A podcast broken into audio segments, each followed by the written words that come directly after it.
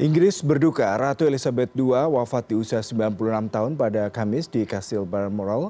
Sesaat sebelum sang kepala kerajaan Inggris meninggal, semua anak Ratu Elizabeth II berkumpul di Kastil Balmoral, Skotlandia. Wafatnya pemimpin monarki terlama di Inggris ini membuat Pangeran Charles, sang pewaris tahta sejak usia 3 tahun, naik tahta menjadi raja. Kita akan membahasnya lebih dalam bersama Faisal Karim, pengamat hubungan internasional Universitas Bina Nusantara. Selamat siang, Mas Faisal. Terima kasih sudah bergabung bersama kami di CNN Indonesia Breaking News. Ya, terkait ya, dengan Yuda. Ya, terkait dengan monarki Inggris di mana Queen Elizabeth sendiri menjabat kurang lebih 70 tahun, salah satu yang terlama selain dari Raja Louis ke-14, kemudian Bhumibol Adulyadej juga. Lalu Anda melihat seperti apa pasca meninggalnya Queen Elizabeth ini terhadap monarki Inggris ke depannya? Ya, uh, sebenarnya kalau kita lihat ya, uh, monarki di Eropa secara umum itu mengalami keruntuhan di era revolusi, ya di abad ke-19, abad ke-20. Namun Inggris mampu tetap bertahan dan mempertahankan institusi ini. Nah, isunya adalah yang membuat monarki bertahan sebenarnya adalah personifikasi daripada Ratu Elizabeth itu sendiri, ya kan? Karena dia mampu di bawah kepemimpinannya Inggris yang dulunya sangat kulit putih sangat white sekarang merubah menjadi multikultural dan dia merepresentasikan hal itu. Jadi walaupun monarki merupakan uh, refleksi daripada konservatisme, tapi di era pemerintah uh, di era kepemimpinan ya uh, Elizabeth ini monarki mampu menjadi bagian daripada perubahan. Nah, ini yang menjadi hal yang membuat kenapa kaum Republikan ya, kaum yang tidak suka dengan halangan royalis itu susah untuk menaklukkan atau menggantikan institusi monarki ini. Nah, tapi akan menjadi berbeda tatkala yang sosok bernama Ratu Elizabeth ini tidak lagi menjadi Ratu uh, apa ya Ratu Inggris. Nah, ini akan menjadi tentunya akan banyak sekali perubahan-perubahan yang terjadi, Mas Yuda. Ya. Mas Faisal, tadi Anda mengatakan sosok Ratu Elizabeth akan menjadi ikon dari monarki Inggris yang salah satu yang masih bertahan di tengah keruntuhan monarki di Eropa. Lalu akan ada suksesor baru yaitu King Charles III, the Third. Dia akan menjadi raja dalam beberapa bulan ke depan dan ini merupakan suatu tantangan Inggris untuk kembali mendapatkan kepercayaan publik di tengah tantangan monarki yang tadi konvensional kemudian beralih ke modern. Bagaimana Anda melihat hal ini?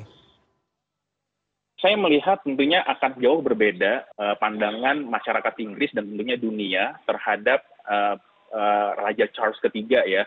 Kenapa? Karena tentunya tidak seperti Ratu Elizabeth, Raja Charles adalah sosok yang bisa dianggap mewakili konservatisme Inggris hmm. serta kaum elit ya di mana kita tahu tahun 90-an uh, uh, apa namanya Inggris ya kita tahu sendiri ada isu uh, Prince Diana yang merupakan the, the, the prince of people dan itu an, tokoh antagonisnya adalah Pangeran Charles. Nah, ini menjadi isu. Yang kedua ada perubahan di kalangan Commonwealth ya ada berbagai macam gerakan republikan kita tahu di Barbados baru-baru ini 2021 hmm. keluar ya begitu juga ada tujuh negara Karibian yang mengikutinya belum lagi gerakan republikan yang ada di Australia ya yang selama era kepemimpinan uh, Elizabeth mereka sungkan nah sekarang mungkin ada chance-chance baru di mana uh, Commonwealth country atau mungkin negara-negara yang dipimpin oleh uh, monarki Inggris itu mungkin akan mencoba merethinking uh, peran monarki. Nah sejauh ini saya melihat uh, King Charles ketiga ini harus mampu mengikuti perubahan zaman dan juga mampu menjadi tokoh layaknya uh, Ratu Elizabeth yang memang mewakili suatu era zaman yang yang yang yang progresif. Seperti itu, Mas hmm. Iya, Mas Faisal tadi Anda sudah memberikan prolog terkait dengan Commonwealth. Kalau kita bicara mengenai Inggris, hmm. lebih dari 50 negara Commonwealth di bawah Inggris sendiri. Dan yang menarik tadi Anda katakan juga Barbados dan beberapa negara lain sudah menyatakan untuk keluar dari persemakmuran atau Commonwealth sendiri.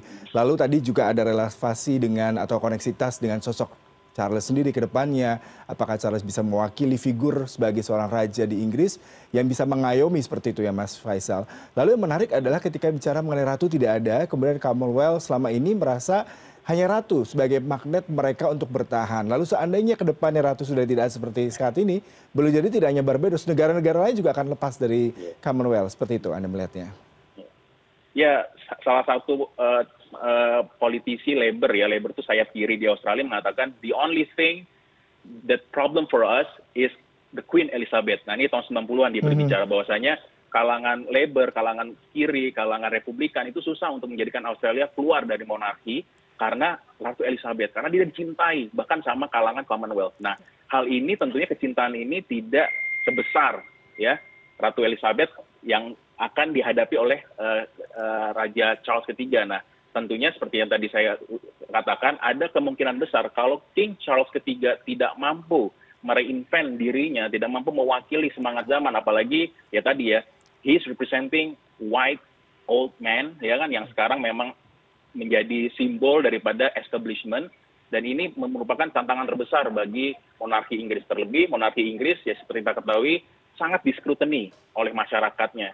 Dan somehow karena Ratu Elizabeth dia mampu apa bertahan kita tahu baru-baru ini pangeran pangeran uh, Will, uh, Harry mengatakan ada rasisme sebelumnya juga kita tahu ada ya ring of uh, human trafficking mm -hmm. di di di Prince Andrew nah itu somehow tertutupi karena karisma dan juga hormat orang terhadap uh, Ratu Elizabeth. Nah, bisa jadi ke depannya dengan monarki yang semakin tidak memiliki uh, apa ya sense of uh, kedaulatan dan kewibawaan, bisa jadi semakin banyak penyerangan-penyerangan terhadap uh, monarki Inggris ini sendiri yang tentunya akan berimplikasi terhadap uh, ya ke keberlangsungan ya secara umum ya uh, monarki Inggris. Walaupun masih sangat jauh, tapi tentunya kalangan milenial, kalangan uh, generasi alfa tidak memiliki kecintaan besar selayaknya kalangan-kalangan generasi baby boomer terhadap uh, Ratu Elizabeth.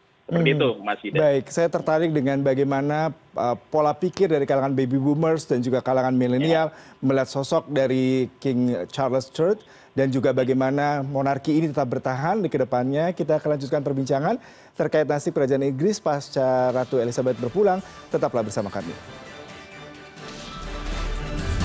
CNN Indonesia Breaking News.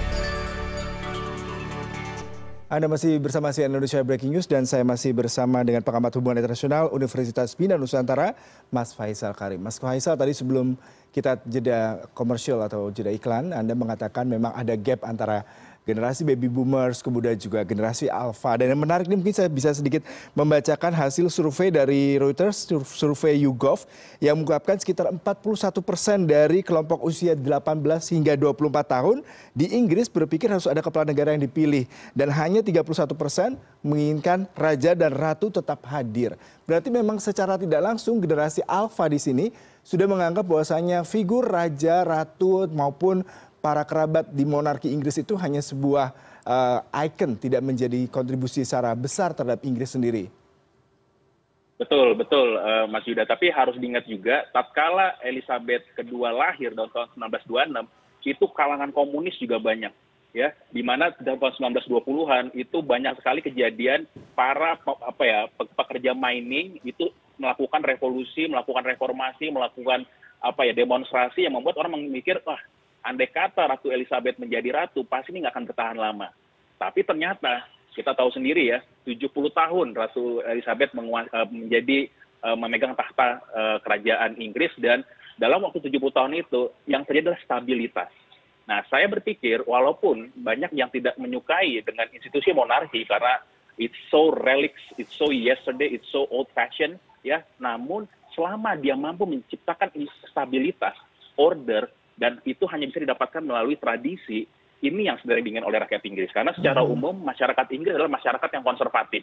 Tentu ada liberal tentu ada apa labor tapi secara umum dan di mana pun juga ya masyarakat membutuhkan order. Nah selama institusi monarki keluarga monarki mampu memberikan itu saya pikir mereka akan terus bisa bertahan. Kita lihat di Eropa di Jerman gejolak di mana-mana. Karena apa? Karena mereka pemerintahan berganti terus menerus tidak ada kestabilan. Dan Inggris sampai sekarang masih memiliki sumber kestabilan itu dan itu adalah dari monarki. Hmm. Itu Mas. Jadi uh, walaupun terlepas daripada ya tadi ya survei survei tahun 70-an pun juga mengatakan uh, secara umum masyarakat uh, cenderung untuk tidak melihat itu. Tapi somehow masyarakat tetap memilih, terutama masyarakat Inggris ya, apalagi dukungan luar. Masyarakat Amerika Serikat melihat uh, monarki menjadi suatu tontonan yang bagus dan dan mencitrakan tentang stabilitas dan order di Inggris. Jadi saya pikir uh, tidak bisa kita hanya melihat hanya dari aspek uh, apa namanya survei, namun itu membuktikan bahwasanya tantangan terbesar monarki adalah mampu stay relevant.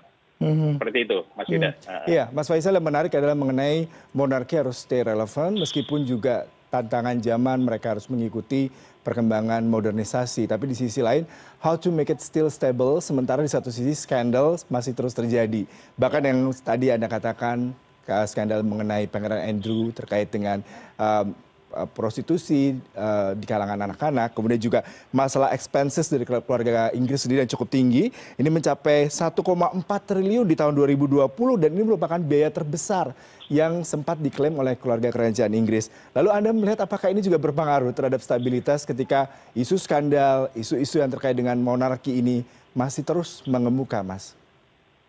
Ya, benar sekali, uh, Mas Yuda. Jadi uh, bila kita melihat memang selama ini skandal-skandal itu tertutup simply karena uh, respect orang terhadap Ratu Elizabeth. Nah, namun harus diingat juga secara hitungan-hitungan ekonomi, keberadaan institusi monarki itu menciptakan banyak sekali soft power bagi Inggris. Itu yang pertama. Dan yang kedua, menciptakan kesempatan boom tourism. Jadi kalau kita lihat lagi uh, secara ekonomi, sebenarnya keberadaan institusi monarki ini ada economic value dan ini hmm. yang akhirnya membuat pemerintah Inggris, siapa perdana menterinya, cenderung untuk mempertahankan simply karena kita lihat lahiran anaknya Kate Middleton hmm. misalnya ya, uh, berapa berapa juta turis yang datang ke sana. Begitu juga dengan soft power dari keluarga keluarga uh, kerajaan Inggris yang mendunia sampai ke Amerika Serikat yang yang ya semua orang ingin melihat mendatangi Inggris simply karena institusinya. Begitu hmm. kita ke Versailles, kita ke Jerman, kita hanya melihat bongkahan bangunan besar tanpa adanya institusi. Tapi kalau kita ke Inggris itu ada. Nah di sini yang sebenarnya uh, ada economic value, walaupun pada akhirnya masyarakat tidak menyetujui, tapi akan ada argumen-argumen dalam masyarakat Inggris yang akan tetap mempertahankan. Tapi yang paling utama tentunya adalah terlepas dari skandal yang ada, in general masyarakat Inggris adalah masyarakat yang sangat konservatif. Konservatif dalam artian mereka fokus kepada stabilitas. Kita lihat 10 tahun terakhir siapa sih yang menjadi menteri uh, dan penguasa atau apa pemerintahan di Inggris? Partai konservatif, ya. Dan sebelumnya pun seperti itu juga. Jadi uh, di sini kita melihat kontestasi bahwasanya sejauh mana uh, institusi monarki mampu tidak hanya mewakili kalangan konservatif, tapi juga mampu mewakili kalangan anak muda. Dan saya yakin ya mungkin lima sepuluh tahun lagi hal ini akan bisa dimainkan oleh peranan oleh uh, Prince William ya sebagai uh, putra mahkota dan dia akan menjadi salah satu ikon baru ya yang akan dikembangkan oleh uh, keluarga kerajaan Inggris untuk membuat Inggris stay relevant amid the, the, the tension dan uh, juga skandal-skandal uh, yang terjadi. Kita lihat juga Prince Andrew sekarang dicopot dari berbagai macam peranannya tidak lagi menjadi uh, bagian daripada keluarga kerajaan dan inilah cara-cara bagaimana uh, keluarga kerajaan mampu stay relevant menurut saya. Hmm. Yang menarik adalah tadi Anda katakan harus stay relevant di mana di satu sisi popularitas dari Inggris sendiri memang sangat mengemuka. Mungkin kalau dari dunia entertainment tadi ada wawancara dengan yeah. Meghan Markle dan juga Prince uh, Ed, um, salah satu putra dari Pangeran Charles sendiri selalu menjadi headline di mana-mana. Tapi di satu sisi ada kita mengenai pertaruhan daripada Charles sendiri ini, Mas Faisal. Kalau kita bicara mengenai popularitasnya tadi sangat tidak terlalu signifikan, yeah. terutama pasca di era kematian mendiang Lady Di di tahun 97 dan sampai sekarang dia juga kontroversi dengan menikahi Camilla.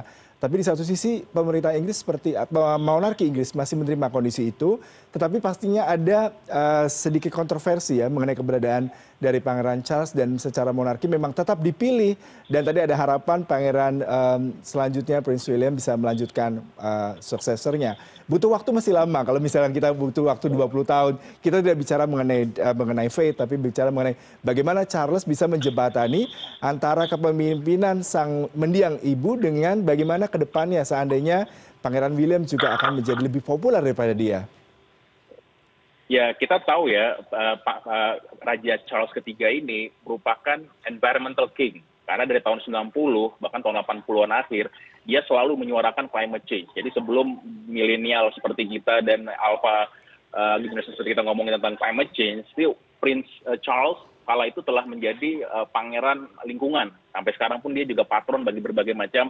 organisasi lingkungan. Dan bahkan di G uh, Summit 20 sebelumnya dia juga menyuarakan ini. Nah, saya yakin ini akan menjadi bagian terpenting. Eh, eh, King Charles akan menjadi suara bagi upaya meningkatkan environmental awareness dan tentunya ini sangat relevan mhm. dengan uh, kalangan anak muda dan juga apa zeitgeist sekarang di mana climate change, zero zero carbon dan lain sebagainya merupakan bagian terpenting daripada uh, ekonomi dunia. Nah, saya yakin uh, hal inilah yang akan menjadi bagian walaupun sekali lagi seperti Mas Yuda katakan tadi dia mewakili berbagai macam uh, apa namanya skandal di masa mudanya namun sekarang dia mencoba memposisikan dan terlihat dari tahun 2010 dia selalu fokus kepada isu lingkungan. Nah, di sinilah saya melihat uh, mungkin uh, apa namanya publicist daripada keluarga kerajaan akan memframe uh, apa namanya kepemimpinan monarki pemerintahan uh, sorry bukan pemerintahan monarki kerajaan Inggris di era pemimpinan King Charles ini. Hmm. Nah, tapi saya juga yakin uh, pada saat bersamaan peran-peran penting strategis lainnya juga akan mungkin diperkuat oleh uh, Prince uh, Williams yang juga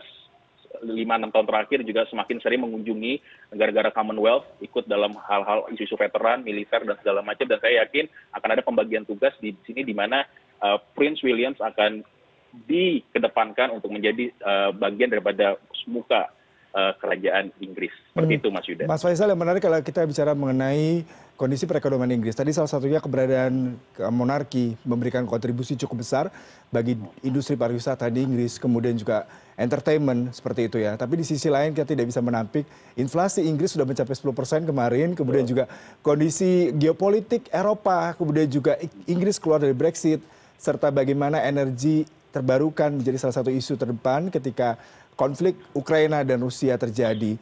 Apakah Anda melihat sosok raja baru nanti maupun monarki Inggris bisa menjembatani isu-isu krusial ke depannya seperti hal ini? Ya, kalau kita belajar dari uh, bagaimana cara Ratu Elizabeth melakukan konsolidasi terkait dengan uh, monarkinya adalah uh, Ratu Elizabeth adalah sosok yang tidak banyak apa dia dia no no, uh, apa ya tidak banyak memberikan statement-statement terkait isu-isu politik. Kalau kita lihat uh, banyak sekali isu-isu bahkan di era perang dingin pun di era Uni Soviet relatifly Ratu Elizabeth mampu memberikan uh, posisi yang netral tanpa apa pun. Itulah yang membuat dia menjadi disukai baik oleh uh, Amerika Serikat, negara-negara uh, Barat, bahkan negara-negara uh, kecil timur dan juga negara-negara komunis simply karena dia merepresentasikan suatu buku yang tidak bisa dibaca. Nah, saya pikir ini akan tetap dijaga oleh uh, uh, King Charles III di mana uh, uh, monarki tidak akan terlalu banyak ikut campur, Mas Yuda. Hmm. Tapi bear in mind uh, King Charles ini memiliki